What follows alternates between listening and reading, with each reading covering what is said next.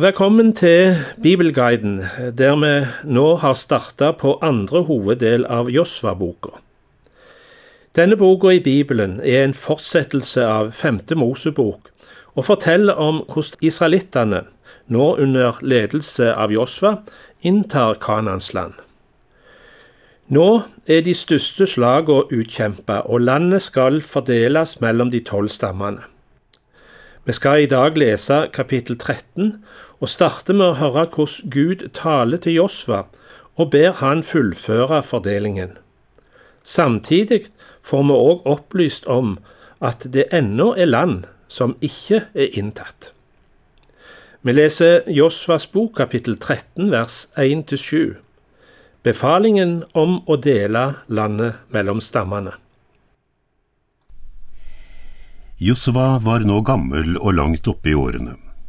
Herren sa til ham, Du er nå gammel og langt oppe i årene, men ennå er det mye land som det gjenstår å innta. Dette er de landområdene som står igjen.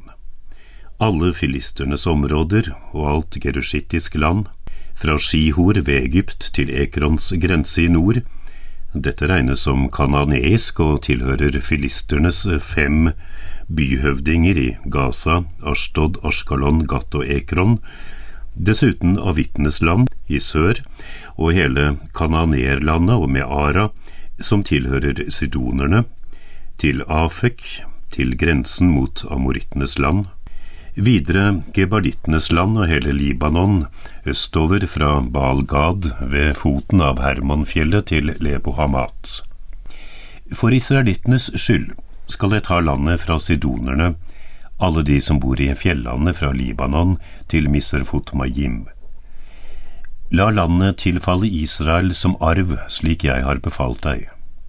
Nå skal du fordele dette landet som arv til de ni stammene og halve Manasses stamme. Vi hørte at i denne befalingen så gjaldt det bare ni stammer, og halve Manasseh stamme.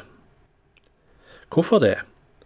Jo, fordi Rubens stamme, Gads stamme og den andre halvdelen av Manasse-stamme allerede hadde fått sine landområder fordelt av Moses før folket gikk inn i Kanan.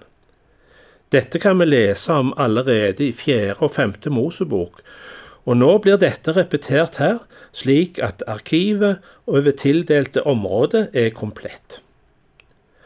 Vi skal nå høre versene 8 14 og sette overskriften Landområdene øst for Jordanelven. Den andre halvdelen av Manasses stamme, sammen med urubenittene og gadittene, hadde allerede tatt sin eiendom, den som Moses ga dem på østsiden av Jordan. Dette hadde Moses, Herrens tjener, gitt dem. Landet fra Aroer som ligger ut mot Arnonelven, byen midt i dalen og hele høysletten fra Medeba til Dibon, og alle byene som hadde tilhørt amorittkongen Sihon, som regjerte i Heshbon, helt til grensen mot ammonittene. Dernest Gilead, gesjurittenes og makittittenes land, hele Hermonfjellet og Basan like til Salka, hele riket til Basan-kongen Og, som regjerte i Ashtarot og Idrei, han var den siste som var igjen av refaittene. Moses hadde slått dem og tatt landet deres. Men Israel tok ikke landet fra geshurittene og maakatittene. De bor midt i Israel den dag i dag. Levis stamme var den eneste Moses ikke ga noen eiendom. Gaveofrene til Herren, Israels Gud, er deres eiendom, som han hadde sagt dem. Vi merker oss at i det siste verset, i det avsnittet vi har lest nå, så står det at Levis stamme ikke får sitt eget landområde.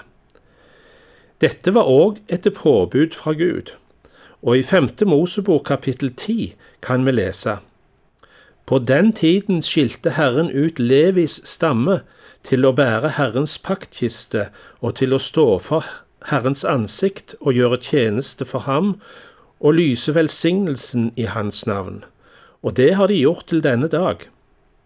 Derfor fikk Levi ingen arv og del sammen med sine brødre. Herren er hans arv, slik Herren din Gud har sagt til ham. Nå skal vi ikke lese alle detaljer som kommer, men vi tar med den innledende beskrivelsen av hvert landområde til disse tre stammene. Først så hører vi om Rubens stamme i vers 15 og 16. Moses ga land til Rubens stamme, slekt for slekt. De fikk området fra Aror, som ligger ut mot Arnon-elven, og byen midt i dalen, hele høysletten til Medeba. Og etter Rubens stamme så kommer landområdene til Gads stamme, i versene 24 og 26. Moses ga land til Gads stamme, altså gadittene, slekt for slekt. De fikk området Jaser, alle Gileads byer og halvparten av ammonittenes land helt til Aroer, som ligger midt imot Rabba, området fra Heshbon til Ramat Hamispe og Betonim, og fra Mahanaim til Debir-distriktet. Og så området til halve Manasse-stamme, i versene 29 og 30.